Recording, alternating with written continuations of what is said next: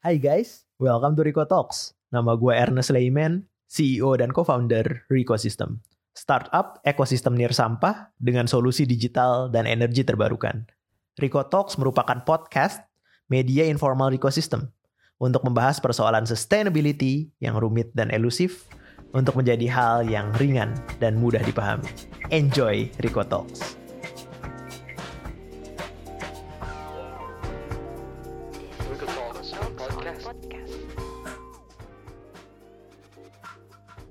Rico Talks episode 3, topiknya seputar food waste. Karena sehubung masih dalam kondisi pandemi COVID-19, apalagi kondisinya PSBB, sesi ini juga direkam secara remote. Jadi guest speaker atau pembicara tamu kita berada di lokasi yang berbeda dengan saya, eh, Ernest, sebagai host Rico Talks. Dalam kesempatan kali ini, saya ditemani uh, pembicara tamu yang sangat berpengalaman tentang food waste. Ini ada Valencia Nawens, founder Hai. dari The Hunger Bank. Mungkin Valens bisa cerita perkenalan dikit, siapa Valens, apa yang dilakuin sekarang, biar para pendengar tahu juga.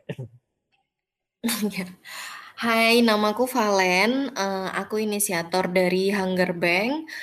Uh, Hunger Bank itu adalah, um, gerakan non-profit yang kita mulai tahun 2016, waktu itu waktu masih jadi mahasiswa. Hmm. Nah, lem um, Hunger Bank itu kita buat dengan tujuan untuk, um, untuk membagikan makanan-makanan berlebih ke orang-orang yang membutuhkan. Jadi sebenarnya kita punya dua goal, hmm. yaitu yang pertama adalah supaya, um, supaya nggak ada lagi orang-orang kelaparan, tapi di waktu yang sama kita juga pengen mengurangi sampah makanan yang ada di Indonesia. Karena kita tahu sendiri kalau Indonesia itu adalah salah satu penghasil sampah makanan terbesar di dunia, gitu. Sedangkan masih banyak banget warga di Indonesia yang uh, malnutrisi, stunting, dan kekurangan makanan bergizi, apalagi di saat-saat sulit seperti ini. Hmm. Jadi, um, itulah kenapa kita akhirnya kepikiran untuk bikin Hunger Bank, uh, pada tahun 2016 yang lalu. Aku hmm. sendiri, um, kuliah dari di Universitas Parahyangan dulu, okay. ngambil jurusannya hubungan internasional, hmm. dan, um, sekarang sih lagi nunggu, um, lagi nunggu perkuliahan mulai lagi untuk S2 nanti tentang hmm. kebijakan publik. I see. Oke, oke. Berarti udah dari mahasiswa ya buat sampai sekarang 4 tahun Lens. Hebat juga. Iya. mungkin kayak uh, gua atau mungkin teman-teman yang lain waktu mahasiswa hanya fokus belajar, Valen sudah coba untuk kontribusi apa sih Lens yang jadi uh, trigger point gitu lagi itu sampai mau buat uh, Hunger Bank bahkan bisa sustain gitu biasanya kan buat uh, kegiatan-kegiatan sosial gini orang hit and run kan kayak kebetulan ada waktu senggang lakuin kalau kamu kan aku lihat tuh komit banget nih sampai sekarang maksudnya empat tahun jalan dari mahasiswa bahkan sampai sekarang udah kerja dan mau studi lagi. Hmm.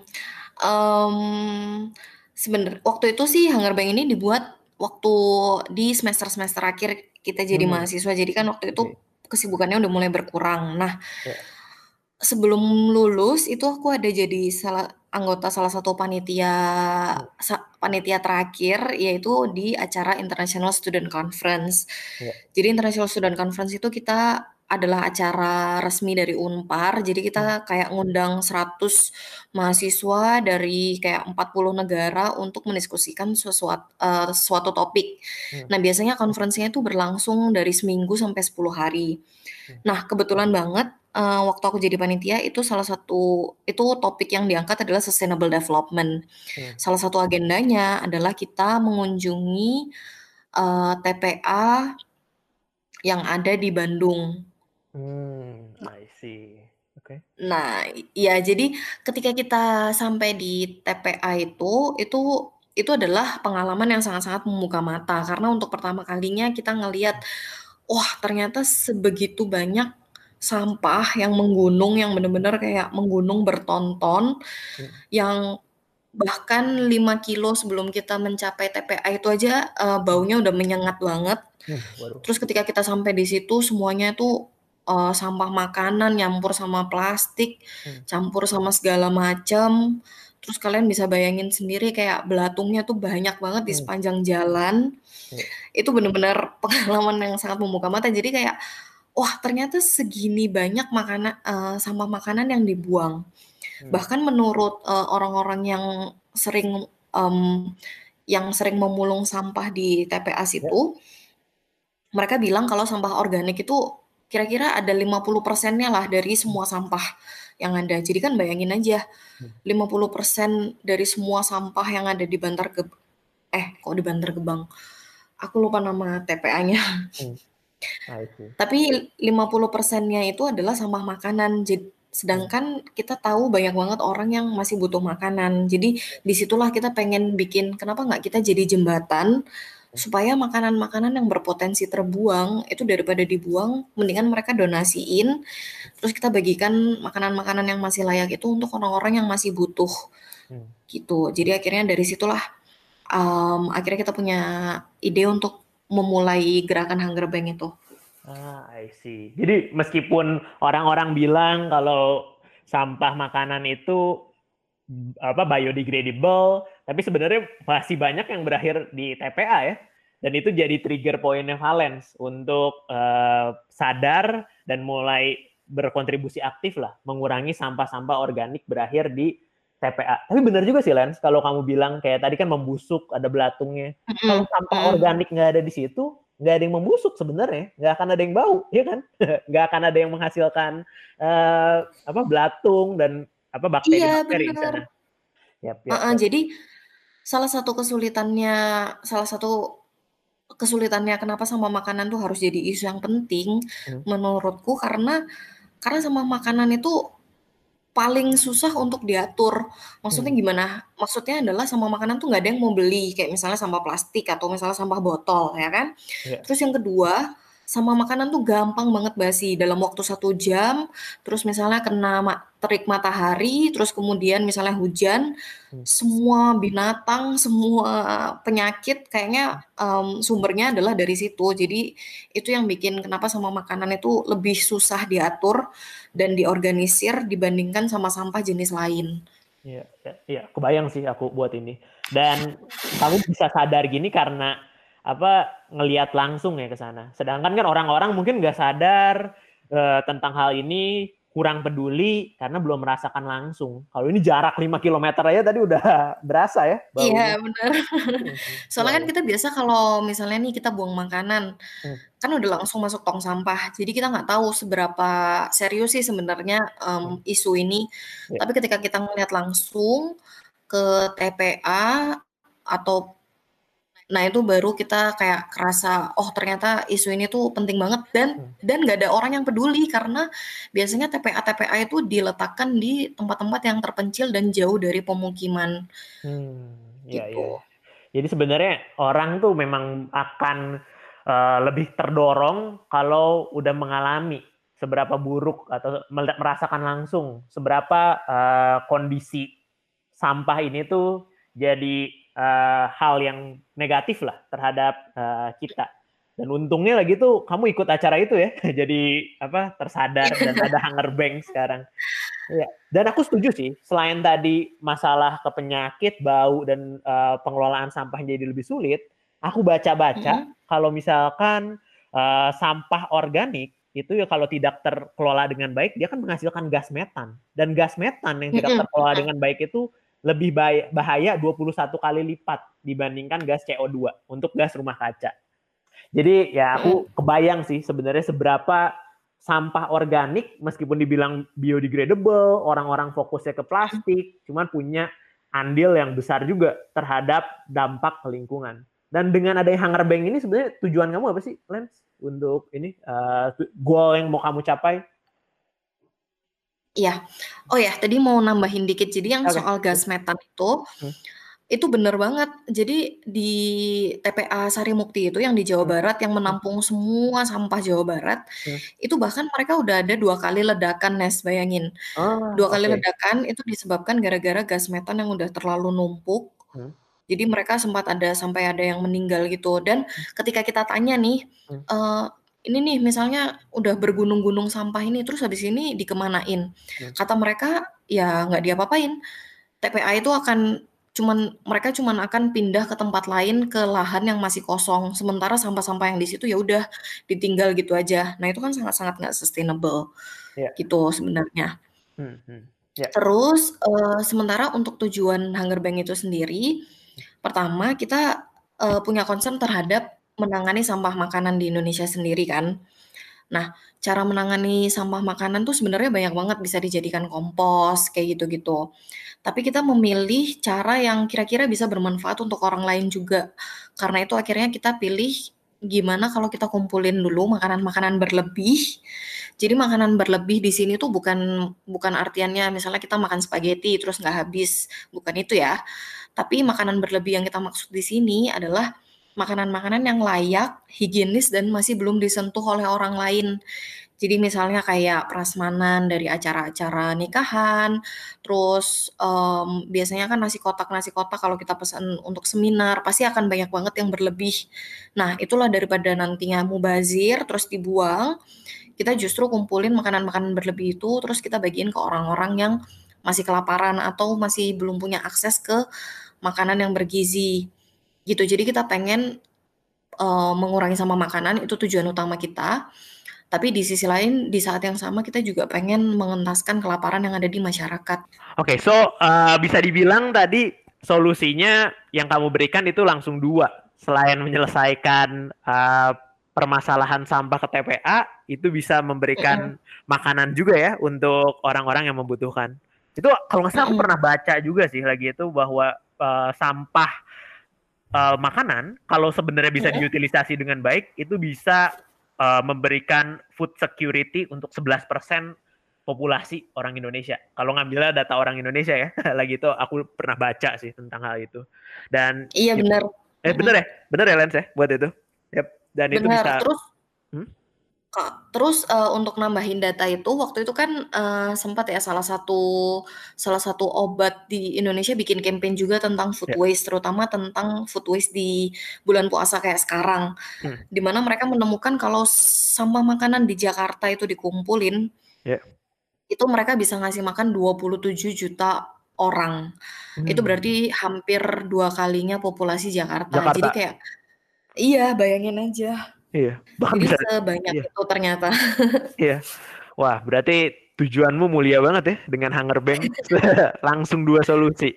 Dan ini aku lihat sih sebenarnya agak inline kalau secara teoritis bahwa untuk, eee, pengelolaan sampah itu sebelum bisa, eee, dikelola udah jadi sampah, sebaiknya ya kalau bisa dimanfaatkan, bisa dimanfaatkan dulu untuk keperluan-keperluan orang-orang sekitar dengan di-sharing. Oke, kalau kamu lihat sendiri nih, Lens, kalau tentang permasalahan ma apa, food waste, apakah ini Mhm. isu yang hanya ada di kota besar, di Jakarta, atau mungkin, eee, di tempat kamu dulu kuliah, atau sebenarnya ini isu global, isu, eee, menyeluruh juga secara nasional? Gimana sih kamu ngelihatnya tentang food waste? Kalau dari yang kalau dari pengetahuan yang aku dapatkan dari baca, riset, ataupun, mmm, ataupun ketika menjalani Hunger Bank, Hmm. menurutku isu food waste itu emang an emang adalah isu global, terutama untuk Hmm. negara-negara, mmm, negara-negara dengan jumlah populasi yang besar. Hmm.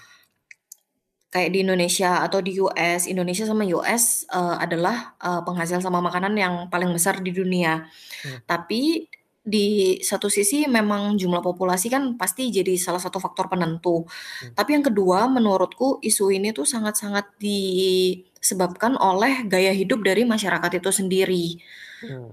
Jadi, eee, kalau jadi kalau misalnya kita tuh terbiasa untuk kayak misalnya, mmm, beli karena lapar mata, terus misalnya beli cuman karena kelihatan instagramable, terus Hmm. difoto doang padahal rasanya nggak enak. Hmm.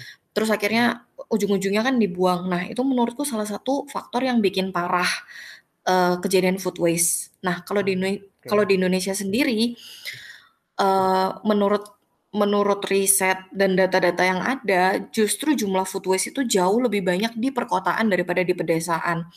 Hmm. Kalau misalnya boleh menebak sih, mungkin ini dikarenakan kalau misalnya masyarakat di pedesaan mereka cenderung untuk mengambil atau memasak sesuatu yang mereka emang benar-benar butuh. Jadi hmm. mereka nggak terbiasa untuk misalnya beli dalam jumlah banyak, tapi nggak tapi nggak dimanfaatkan dengan baik gitu. Justru sikap konsumtif atau gaya hidup konsumtif di masyarakat-masyarakat perkotaan itulah yang bikin kenapa food waste di Jakarta, Bandung, Surabaya itu paling tinggi dibandingkan misalnya eh, daerah-daerah lain yang di pedesaan. I see. Ya ya ya. Kebayang sih kayak kalau di kota besar kan informasi-informasi marketing dari perusahaan-perusahaan atau uh, restoran-restoran kan gencar banget kan. Kadang tempting yeah, buat yeah. kita jadi mesan. Kalau di uh, apa pedesaan kan ya rata-rata mereka bahkan self sustain nanam sendiri. Jadi nggak terbawa oleh ini ini. Kebayang banget sih. Kadang-kadang kita kalau misalnya tinggal di kota gitu, hmm. padahal lu nggak lapar tapi hmm. pengen ngunyah, terus akhirnya kita pesen sesuatu, tapi akhirnya nggak kita habisin. Hmm. Terus apalagi kalau misalnya ada makanan-makanan baru yang kita cuma penasaran, pengen nyoba atau pengen join the hype, tapi akhirnya ya itulah sikap-sikap kecil kayak gitulah yang bikin isu food waste di Indonesia tuh makin banyak yeah. gitu. I see. Dan tadi kalau aku apa highlight sebenarnya ini global, mau negara maju seperti yang tadi uh, contohnya US atau negara mm -hmm. berkembang yang baru aja diklasifikasi sebagai negara maju kayak Indonesia itu juga mm -hmm. apa punya permasalahan uh, apa food waste, permasalahan uh, sampah makanan. Dan menurutmu mm. apakah metode food bank yang kamu jalanin ini dengan uh, The Hunger Bank itu bisa jadi solusi Lens untuk permasalahan ini khususnya ya di Indonesia dulu lah kalau kita ambil contohnya. Hmm, kalau misalnya dilakukan secara uh, masif, hmm. masif dalam ya. skala besar dan semua orang sadar untuk melakukan itu, maksudnya untuk berbagi makanan dengan orang lain yang lebih membutuhkan, sepertinya ini bisa jadi salah satu solusi dari banyaknya sampah makanan yang ada di Indonesia. Hmm. Tapi tentunya itu aja nggak cukup. Jadi kegiatan untuk bagi-bagi makanan itu kan sebenarnya adalah um, buntut dari permasalahan lain yang lebih besar yaitu yang tadi aku bilang gaya hidup masyarakat hmm. yang yang konsumtif dan sering-sering buang buang-buang makanan. Hmm. Jadi di Hunger Bank itu sendiri selain bagi-bagi makanan, terus uh, membagi-bagikan ke orang-orang yang membutuhkan, kita juga pengen mengubah mindset masyarakat itu masyarakat itu sendiri. Kan hmm. mereka nggak mungkin ya kita ajak untuk satu persatu mengunjungi TPA gitu kan. Ya. Jadi itulah kenapa kita di Hunger Bank itu sering banget kampanye di media sosial. Kita pengen ngasih tahu ke mereka realitanya bahwa hmm. sama makanan di Indonesia tuh sebanyak itu, bahwa Indonesia tuh menghasilkan 315 kg sampah makanan per orang hmm. per tahun. Oke. Nah, ketika mereka tahu fakta-fakta itu, terus mereka bisa ngelihat orang-orang kelaparan yang di jalan, atau misalnya mereka ngelihat uh, foto sama-sama makanan yang menumpuk di TPA, hmm. harapan kita adalah nanti ketika mereka kepikiran untuk buang-buang makanan, mereka akan berpikir dua kali, terus mungkin mereka akan lebih memilih untuk menyimpan itu, hmm. atau dibagi-bagi sama teman-teman, atau mungkin sama keluarga di rumah jadi itu sih, uh, jadi kita pengen solusinya lebih ke jangka panjang, yaitu perubahan mindset itu sendiri. Hmm, I see. Jadi kalau bisa dirangkum uh, tuh hunger bank itu hanya kayak triggernya ya, katal katalisnya buat orang-orang itu mulai sadar, mulai coba merubah gaya hidupnya menjadi peduli dan uh, saat mulai mikirin lah ketika mau membeli makanan atau mengkonsumsi sesuatu ini bakal habis atau enggak, lebih dari cukup atau enggak, sehingga mengurangi permasalahan food waste. Bener gak Lens kalau misalnya kayak gitu? Iya benar. Jadi kalau misalnya nih satu orang satu orang aja hmm. yang misalnya follow Instagram Hunger Bank, terus kemudian dia, um, jadi berubah pikiran atau misalnya mindsetnya lama-lama berubah. Hmm. Berarti kan dari satu orang itu dia bisa mengurangi sampah makanan dia dalam setahun yang bisa meng bisa menyelamatkan berat berkilo-kilo makanan dari yeah. dibuang di tempat sampah. Jadi kalau misalnya itu aja bisa berhasil, menurut kita itu adalah sebuah kepuasan buat kita sendiri. Dengan dia hanya berubah, nggak harus menyumbang makanan, sebenarnya itu udah jadi kepuasan tersendiri ya buat Valens dan teman-teman di Hunger Bank.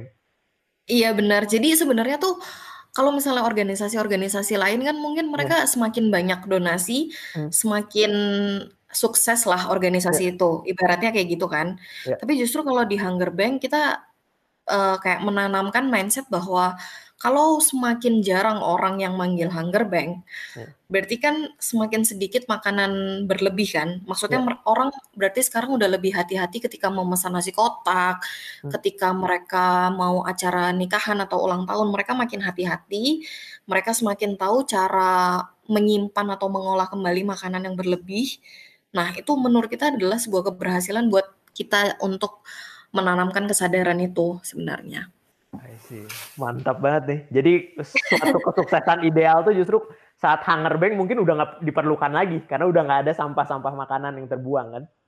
Iya betul, uh, itu mimpi kita suatu saat kalau misalnya uh, organisasi-organisasi seperti itu udah nggak dibutuhkan, berarti yeah. masyarakat udah sadar dan mereka menjalankan gaya hidup mereka dengan sustainable. Yeah. I see. Oke. Okay. Keren keren keren banget Lens. Jarang banget. Biasanya kan orang ngejar target tuh berapa banyak yang bisa dikumpulin ke highlight dan sebagainya. Justru kalau yeah. kamu kamu pengen semakin sedikit orang yang uh, apa menyumbang makanan karena mereka sudah sadar tentang konsumsinya. Dan kalau sekarang udah berapa yeah. banyak sih uh, Hunger Bank beroperasi di berapa kota? Hunger Bank sekarang operasi paling besarnya masih di Jakarta. Hmm di Bandung juga ada, terus juga ada di Palembang sama Jogja yang sekarang lagi jalan. Oh, udah di empat kota besar ya. Kamu dari apa ide sebagai mahasiswa sekarang sudah sebesar itu dan aku rasa kayaknya tantangannya berat banget ya, Lens. Apa aja sih kalau kamu bisa share tantangan-tantangan yang kamu hadapin untuk mengatasi permasalahan food waste di Hunger Bank? Hmm, sebenarnya sih tantangan yang pertama yang sekalian aku mau sampaikan di podcast ini, Ya. jadi kita kita pengen supaya Hunger Bank itu bukan dikenal sebagai organisasi, tapi sebagai gerakan. Jadi, uh, jadi kita nggak perlu kayak misalnya jadi volunteer Hunger Bank atau apa pun, kita pengen nekenin bahwa semua orang sebenarnya bisa jadi bagian dari gerakan food sharing ini, hmm. dimulai dari diri mereka masing-masing. Jadi, uh, kita nggak perlu ngandalin satu atau dua organisasi, uh, justru dari diri kita sendiri misalnya kalau misalnya dari acara kampus kita ada lebihan makanan, kita mungkin bisa nawarin untuk bawa pulang dan bagi-bagi ke anak-anak kos atau misalnya security kos misalnya. Hmm. Nah, hal-hal kecil kayak gitulah yang kita pengen tanamkan di, uh, masyarakat Indonesia ya terutama. Oke. Gitu, jadi uh, kita pengennya sih gerakan ini tuh meluas hmm. tanpa tanpa batasan lah. Jadi mereka nggak perlu untuk jadi volunteer atau relawan. Hmm. Yang penting mereka bisa mengambil tindakan masing-masing gitu kan. Hmm. Kalau tantangan dari Hunger Bank sendiri sih paling yang susah adalah soal logistiknya. Hmm. Karena kan uh, untuk bagi-bagiin makanan, mengolah ataupun packaging itu kan butuh uh, tenaga sumber daya yang banyak. Dan kesusahannya adalah karena donasi makanan itu sering banget, uh, sering banget dikirimkannya adalah malam-malam ketika acaranya hmm. udah selesai atau restorannya udah tutup, Ya. atau hotelnya udah mau tutup gitu kan. Hmm. Nah jadi, uh, itu sih tantangan kita biasanya meng mengordinasikan relawan untuk mengambil donasi makanan ketika, um, udah malam banget atau subuh-subuh banget. Hmm, hmm, hmm. Oke oke. Kamu ada kebayang atau mungkin mau uh, share yang udah uh, kamu coba lakukan untuk menyelesaikan uh, tantangan atau even mau mengajak uh, teman-teman untuk bisa solve tantangan itu? Jadi kalau untuk tantangan operasional itu sendiri kita hmm. uh, sebenarnya udah sempat dapat bantuan. Jadi hmm. ceritanya waktu itu adalah karena udah kepepet banget dan hmm. udah malam banget, udah kayak jam setengah satu atau jam satu gitu. Hmm. Dan waktu itu kita harus ambil donasi di Jakarta Utara, sementara relawan kita kebanyakan tinggalnya di Jakarta Selatan. Yeah. Nah, waktu itu akhirnya kita pesan gosen kan untuk yeah. ngambil makanan itu. Hmm. Tapi karena udah pagi banget dan gak ada relawan yang bisa bagi-bagi, jadi waktu itu kita akhirnya bilang aja bilang ke bapak gosennya, "Pak, itu dibagi-bagiin aja makanannya karena emang makanannya itu berlebih." Hmm. Jadi tolong dibagiin aja ke misalnya yang ada di pangkalan atau keluarga atau orang-orang yang ditemui di jalan juga nggak apa-apa gitu. Hmm. Nah ternyata si bapaknya ini jadi di Gojek itu mereka kan ada komunitas-komunitas sendiri ya. dan dia salah satu komunitas sosial di Gojek. Jadi mereka memang udah biasa untuk bagi-bagiin makanan hmm. ke orang-orang yang uh, membutuhkan. Nah Sejak itu sih kita sering kontak-kontakan sama Gojek, komunitas sosial Gojek itu sendiri. Jadi kalau hmm. misalnya kita lagi nggak bisa, kita hubungi, uh, komunitas Gojek itu, terus nanti mereka yang bagi-bagiin. Ya. Karena kan mereka secara resources mereka punya, um, maksudnya anggota yang tersebar di mana-mana, terus mereka ada kendaraan dan mereka bisa bagi-bagiin, mereka tahu tempat-tempat yang bisa dibagiin itu sih jadi itu salah satu solusi yang menurut kita efektif banget untuk ngurangin tantangan dari segi operasional.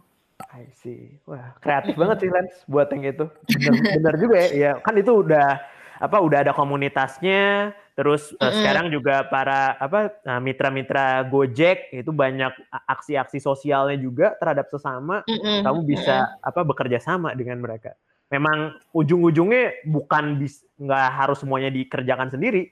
Kalau bisa bekerja sama dengan yang lain, lebih aman, lebih efektif juga. Toh at the end ujung-ujungnya orang terbagi makanannya, uh, TPA-nya juga berkurang untuk sampah makanan. Keren keren, keren banget iya. sih. Gitu. Dibandingkan harapannya sih gitu. Betul, dibandingkan kompetisi harus kolaborasi sekarang tuh ya zamannya. Iya benar, itu benar banget sih. Keren banget sih Lens uh, tentang Hunger Bank ini uh, memotivasi uh, eh, gue juga secara personal untuk mm -hmm. bisa lebih uh, genuine lagi lah untuk melakukan permasalahan uh, untuk menyelesaikan permasalahan sosial ini tuh uh, banyak banget cara-caranya dan gak harus dilakukan sendiri tapi bisa dengan kolaborasi uh, dengan berbagai macam pihak. Nah, Mm-mm. terlepas dari Hunger Bank, kan kita uh, kemarin sempat ngepost ya di Instagramnya mm Riko sistem di Instagramnya uh, kamu juga sama Hunger Bank tentang uh, pertanyaan apa yang mau dilemparkan oleh uh, penanya follower-followernya uh, kita. Iya. Oke, yang pertama ini lebih ke metode food bank. Gimana hmm. caranya meyakinkan pendonor untuk menyumbangkan makanannya ke food bank? Hmm. Nah, itu sebenarnya pertanyaan ini relevan banget pas dan kita alamin banget ketika pertama kali memulai food uh, si Hunger Bank ini. Ya. Jadi waktu itu tahun 2016 kan masih belum banyak orang yang familiar sama konsep food bank itu sendiri. Jadi mereka juga nggak ngerti Hunger Bank ini uh, operasionalnya ngapain sih kayak gitu.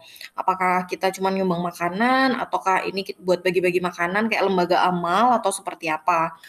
Nah, jadi uh, yang kita lakukan waktu itu adalah langsung bikin uh, akun media sosial. Terus di setiap postingan kita kita selalu jelasin tentang Hunger Bank itu apa, misi kita apa, cara operasional kita tuh seperti apa, makanan apa yang layak untuk dibagi uh, kita terima dan mana yang kita nggak bisa terima. Dan uh, kita juga pelan selain sosialisasi terus di media sosial, tentunya kita juga mulai reach out ke donor-donor potensial yang kira-kira bisa kita ajak kerjasama di skala yang masih kecil. Nah, karena waktu itu kita mahasiswa, jadi uh, kita lebih banyak reach out ke lembaga-lembaga kemahasiswaan yang ada di uh, Unpar waktu itu. Uh, jadi kita kasih tahu ke himpunan-himpunan atau misalnya dosen ataupun misalnya kan kalau di kampus ada komunitas-komunitas dan ya, mereka sering bikin acara. Jadi kita kasih tahu nih ke mereka bahwa eh sekarang ada Hunger Bank loh. Hunger Bank itu uh, cara kerjanya kayak gini. Jadi kalau misalnya sekarang kalian punya acara dan makanannya lebih, kalian hubungi aja kita langsung. Nanti pasti kita akan jemput dan kita akan bagi-bagiin makanannya dibandingin mubazir kayak gitu. Hmm, nah, kita ngandalin dari circle kecil seperti itu, terus kemudian dapat donasi pelan-pelan. Uh, bahkan kalau di kampus tuh kita lumayan sering, lumayan sibuk kayak 2 sampai tiga kali pasti kita um, ngambil makanan berlebih dari berbagai acara yang berbeda. Setelah itu pelan-pelan kita selalu, eee, upload itu di media sosial kita untuk nunjukin bahwa ke masyarakat luas bahwa, mmm, gerakan ini emang valid, bahwa kita emang Iya. tujuannya baik dan, eee, kita cara kerja kita tuh seperti ini, gitu. Sekarang di untuk yang sekarang sih trust orang-orang terhadap Hunger Bank udah lumayan tinggi, jadi nggak nggak banyak orang yang kayak misalnya curigaan atau Curiga, parno iya. gitu. Tapi untuk mempertahankan responsibility kita, kita juga selalu sih, eee, report ke donor kalau misalnya mereka habis nyumbang, kita kasih tahu ke mereka, mmm, kita udah bagiin ke mana aja. Kalau misalnya saat itu kita bisa foto, ya kita foto, tapi untuk sekarang kita ngurangin, mmm, tindak apa, kita nguranginlah foto-foto ketika lagi bagiin Ya. gitu, karena nggak terlalu enak jug nggak terlalu etis ke etis, penerimanya. Tapi betul. Mhm, tapi kalau penerimanya welcome, ya nggak apa-apa, gitu sih.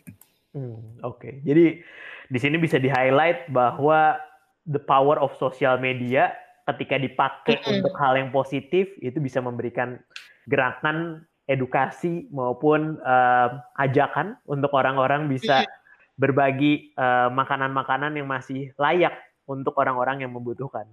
Yang kedua yang aku suka tadi ya, Lens, di Mhm. sini kamu bilang mulai dari hal yang kecil dulu. Ya, memang semua tuh nggak usah langsung dibuat kompleks, mulai dari yang terdekat, bisa dilakukan dengan cepat, untuk bisa nantinya berproses jadi sesuatu yang besar ke depannya. Dan itu yang kamu lakuin waktu pertama kali jalanin Hunger Banks. Keren banget sih buat yang itu.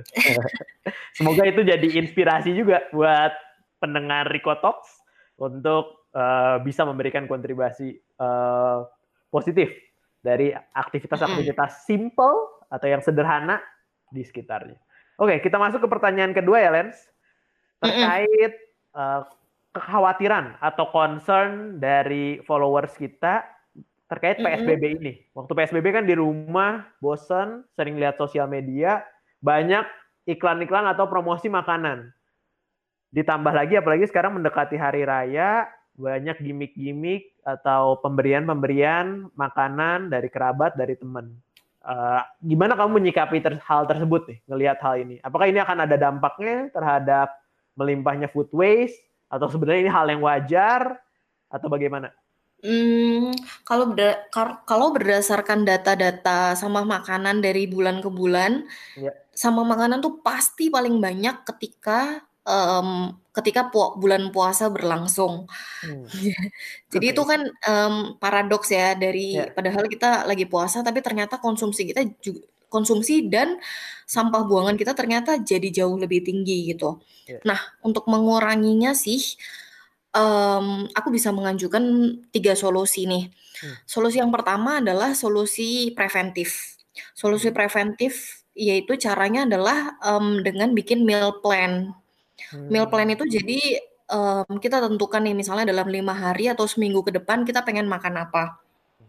Mungkin hari Selasa kita pengen masak sendiri, hari Rabu kita pengen delivery misalnya. Tapi nggak apa-apa kita catat aja, kita mau delivery apa nih untuk hari Rabu, mau delivery apa untuk hari Kamis. Nah, ketika kita udah ada rencana kayak gitu, itu akan membuat kita lebih disiplin untuk nggak beli-beli kecuali kita bener-bener butuh, gitu. Jadi Mmm. maksudnya kita nggak jadi lebih tahan terhadap godaan gitulah istilahnya. Jadi sadar lah ya, udah, "Oh ternyata udah sebanyak ini nih yang direncanakan, yang mau dimakan." I see I see. Heeh. Nah, itu preventifnya. Jadi supaya kita bener-bener makan sesuai, eee, kebutuhan kita. Yang kedua yang kedua, eee, solusinya selain dengan bikin meal plan Iya. adalah dengan, mmm, dengan sebenarnya masak sendiri sih. Masak sendiri kan itu lumayan kita jadi lebih gampang untuk merencanakan apa aja Iya. yang kita butuhin, kayak Mmm. gitu-gitu. Terus, Terukur lah ya. Mhm. mhm, terukur. Terus, eee, selain itu kalau misalnya kita punya makanan berlebih nih, misalnya hasil dari delivery terus misalnya nggak habis, nah itu mungkin kita bisa simpen. Jadi aku bener-bener saranin untuk simpen dan mungkin diolah kembali. Misalnya bisa dijadiin sahur. Jadi untuk sahur kita nggak usah masak hal yang baru lagi, kita bisa Iya. ngangetin dari, eee, sisa buka puasa, misalnya kayak gitu. Terus misalnya hasil dari masak kita kemarin nasinya ternyata sisa. Nah, itu kita bisa olah lagi pagi-paginya misalnya jadi nasi goreng. Nasi goreng, benar. Mm-mm, jadi itu jadi yang jadi langkah kedua adalah untuk merecycle atau menyimpan kembali makanan yang masih berlebih dari sisa meal plan kita. Ya kan? Ya. Nah, untuk yang ketiga itu adalah langkah um, langkah terakhir ya, langkah terakhir. Jadi kalau misalnya nih ternyata oh kita dapat parcel banyak banget, terus Ya. dapat kue, dapat kiriman, kan banyaknya biasa Ya, kalau misalnya lagi puasa pasti saling kirim parcel lebaran, bingkisan, kue kering kayak gitu. Nah, sebaiknya sih yang bisa kita lakukan adalah coba kita pikirkan kira-kira kita bisa apa aja sih yang bisa kita makan selama mungkin seminggu atau dua minggu ke depan. Kalau misalnya ternyata ada makanan yang berlebih setelah itu, misalnya, oh aku nggak mungkin kemakan nih kue ini, atau misalnya aku nggak mungkin kemakan nih kue kering ini, atau mungkin snack yang ini aku nggak suka nih. Nah, mendingan didonasiin aja, didon didonasikan ke orang-orang terdekat. Nggak harus nggak harus kayak nggak harus misalnya pemulung atau misalnya pengemis atau siapa, Ya. tapi donasiin aja ke orang-orang terdekat kayak misalnya penjaga kompleks, satpam Ya. kompleks, atau misalnya, mmm, deli apa, pengemudi pengemudi ojek online yang datang ke rumah kita, sekalian aja kasih kayak, "Pak, ini ada, eee, makanan berlebih, sayang kalau misalnya mubazir." Jadi selain menyelamatkan makanan, Ya. di satu sisi kita juga memberikan amal dan berbagi untuk orang-orang yang mungkin nggak punya makanan seberlimpah itu ketika lebaran datang, gitu sih. Hmm. Jadi itu 3 langkah preventif, terus, eee, recy recycle atau reuse makanan itu lagi, terus yang ketiga kalau misalnya emang bener-bener berlebih, kita bisa donasiin dan bagi-bagi ke orang-orang yang masih butuh. I see. Benar-benar ini ya, eee, solusinya banyak sebenarnya. Mulai dari hal yang preventif, sampai kalau ya udah terlanjur nih, apalagi kan sekarang udah mulai, eee, tukar-tukar, Mhm bingkisan mhm. kan, udah terlanjur nih, udah banyak. Ya kita mulai jadi berkat lah ya, buat orang-orang di sekitar kita yang Iya. sekiranya mungkin membutuhkan makanan. Oke, terima kasih banget Lens, udah share tipsnya. Jadi pendengar Riko Talks bisa aplikasiin lah dengan mudah buat itu. Oke, Mhm. itu yang kedua, yang relevan dengan kondisi sekarang. Nah, yang ketiga, ini yang lebih general, lebih umum, eee, terkait dengan sampah sisa makanan. Nah, menurut kamu bisa dimanfaatkan untuk apa aja sih sebenarnya sampah sehari-hari? Mhm. Nah, kalau misalnya sama sisa makanan sih, sebenarnya sih ini agak di luar kapasitas aku, karena Hmm. biasanya aku mengurusi makanan yang belum mencegah makanan untuk tidak menjadi Oke. sampah. Jadi mungkin nanti Ernest bisa tambahin dari kapasitas di ekosistem itu sendiri. Tapi kalau Oke oke. kalau dari kapasitas aku sih mungkin untuk sampah makanan, itu ada 2 mungkin ya solusi yang Ya. aku kasih. Yang pertama yang pertama dikasih ke hewan peliharaan, karena aku sendiri Oke. juga ada hewan dan kalau misal dan ya lumayanlah bisa lumayan ngurang-ngurangin stok kerupuk yang kita juga udah nggak mau makan Ya. gitu misalnya. Terus yang kedua mungkin juga bisa mulai untuk dijadiin kompos, karena sebenarnya untuk bikin kompos itu sederhana. Oke. Itu bisa dimulai dari rumah masing-masing. Tapi mungkin Ernest bisa nambahin biar lebih komprehensif. Oke oke. Mungkin karena ini agak sedikit bersinggungan dengan, Riko System, dengan solusinya Riko System, ya aku coba share lah ya, se sebagai dengan kapasitasku, eee, di Riko System, bukan sebagai host untuk sharing ini. Tadi aku setuju banget sih, yang pertama itu untuk, eee, feed animals, karena Mhm. itu selain, eee, tadi kalau masih dalam bentuknya layak kan kita bisa jadi berkat buat se sesama yang membutuhkan.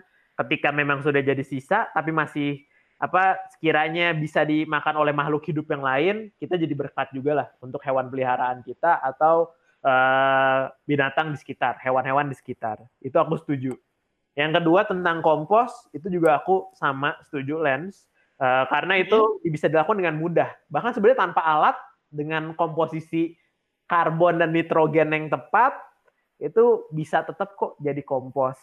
Cuma memang kompos itu hanya untuk yang hayati, yaitu sampah-sampah makanan dari sayur-sayuran untuk itu. Hmm, Karena yang dari daging yang berlemak itu kan nggak bisa dikompos.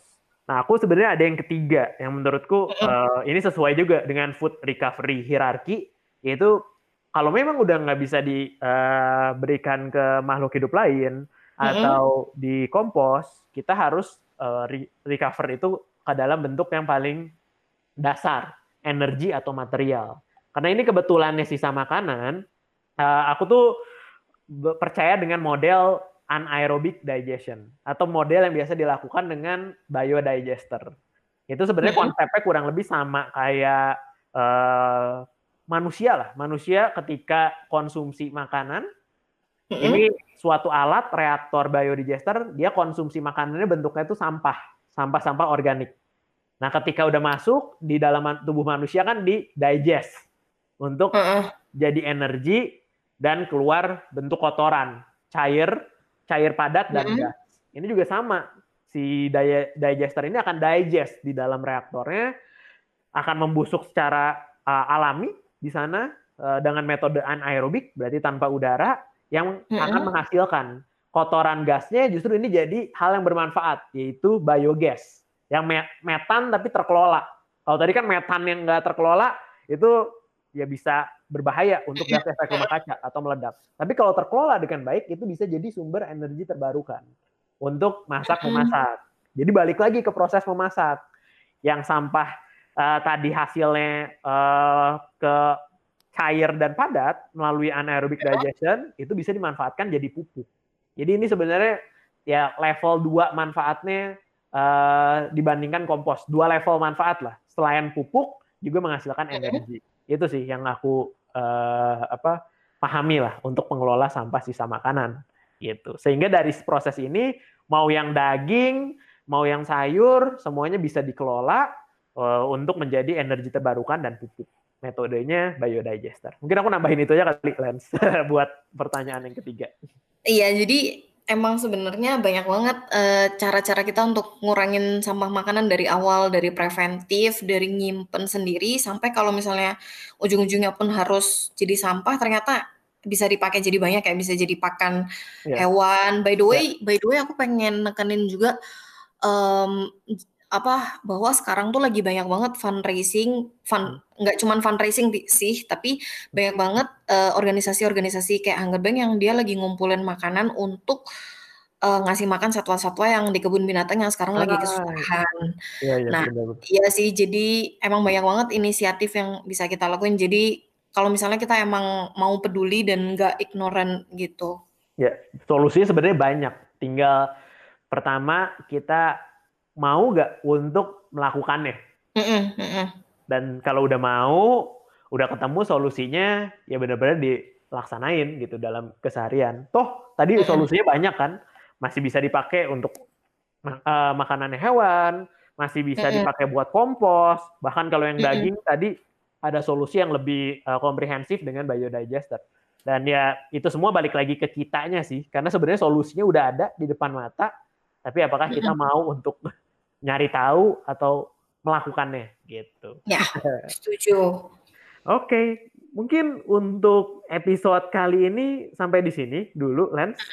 Thank you udah meluangkan waktu. Mungkin ada pesan nggak dari kamu untuk pendengar Rico Talks?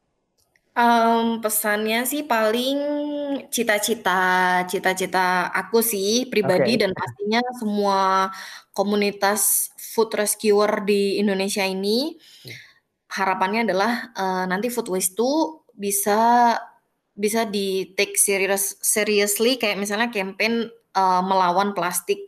Jadi hmm. kita nggak cuman harus melawan plastik ya yang merupakan sampah uh, anorganik, tapi kita juga harus bergerak sama-sama dari diri kita masing-masing untuk uh, untuk mengurangi sampah organik itu sendiri, yaitu sampah makanan itu sendiri. Kan kita ngelihat ya bahwa ya dari kebiasaan perseorangan individu kayak misalnya mulai nggak pakai sedotan aja itu bisa membuat perubahan industrial di mana restoran-restoran, hotel sekarang udah mengurangi plastik. Yeah. Nah, jadi kita, uh, aku sih pengen ngajak semua pendengar, uh, yuk kita mulai berubah dari diri kita masing-masing gitu supaya kita bisa mengurangi konsumsi makanan-makanan uh, sorry, mengurangi sama makanan yang kita hasilkan dan mengajak industri-industri yang lain juga supaya lebih berhati-hati ketika mengolah makanan supaya jangan sampai berujung di tempat pembuangan akhir gitu cita-citanya. Doain semoga berhasil. Pasti lah, nggak cuma mendoakan lah. Aku uh, dalam kapasitas ekosistem tuh akan membantu memberikan solusi permasalahan orga apa sampah organik. yeah. Oke, okay. Mungkin itu uh, aja uh, Lens dan mm-hmm. teman-teman Rico Talks. Uh, terima kasih sudah mau mendengarkan obrolan uh, aku dengan Valens. Uh, ke depannya uh, kita akan bahas topik-topik lain yang nggak kalah menariknya. Tapi kalau masih penasaran tentang food waste, tentang Hunger Bank, bisa follow juga. Mungkin bisa share Lens Instagramnya uh, Hunger Bank? Instagram Hunger Bank di @hungerbank. Oke, okay. bisa follow uh, direct message juga atau kalau masih mau uh, nanya secara general bisa follow dan message juga at uh, Rico System, Instagramnya Rico System. Paling sekian dulu untuk uh, semuanya. Sampai bertemu di episode selanjutnya. Makasih banyak sekali lagi Valens udah mau Thank berkontribusi you. di uh, Rico Talk. Hai guys, terima kasih sudah mendengarkan Rico Talks. Semoga semua menikmati pembahasannya. Jangan lupa untuk follow sosial media kami. Sampai jumpa di episode selanjutnya.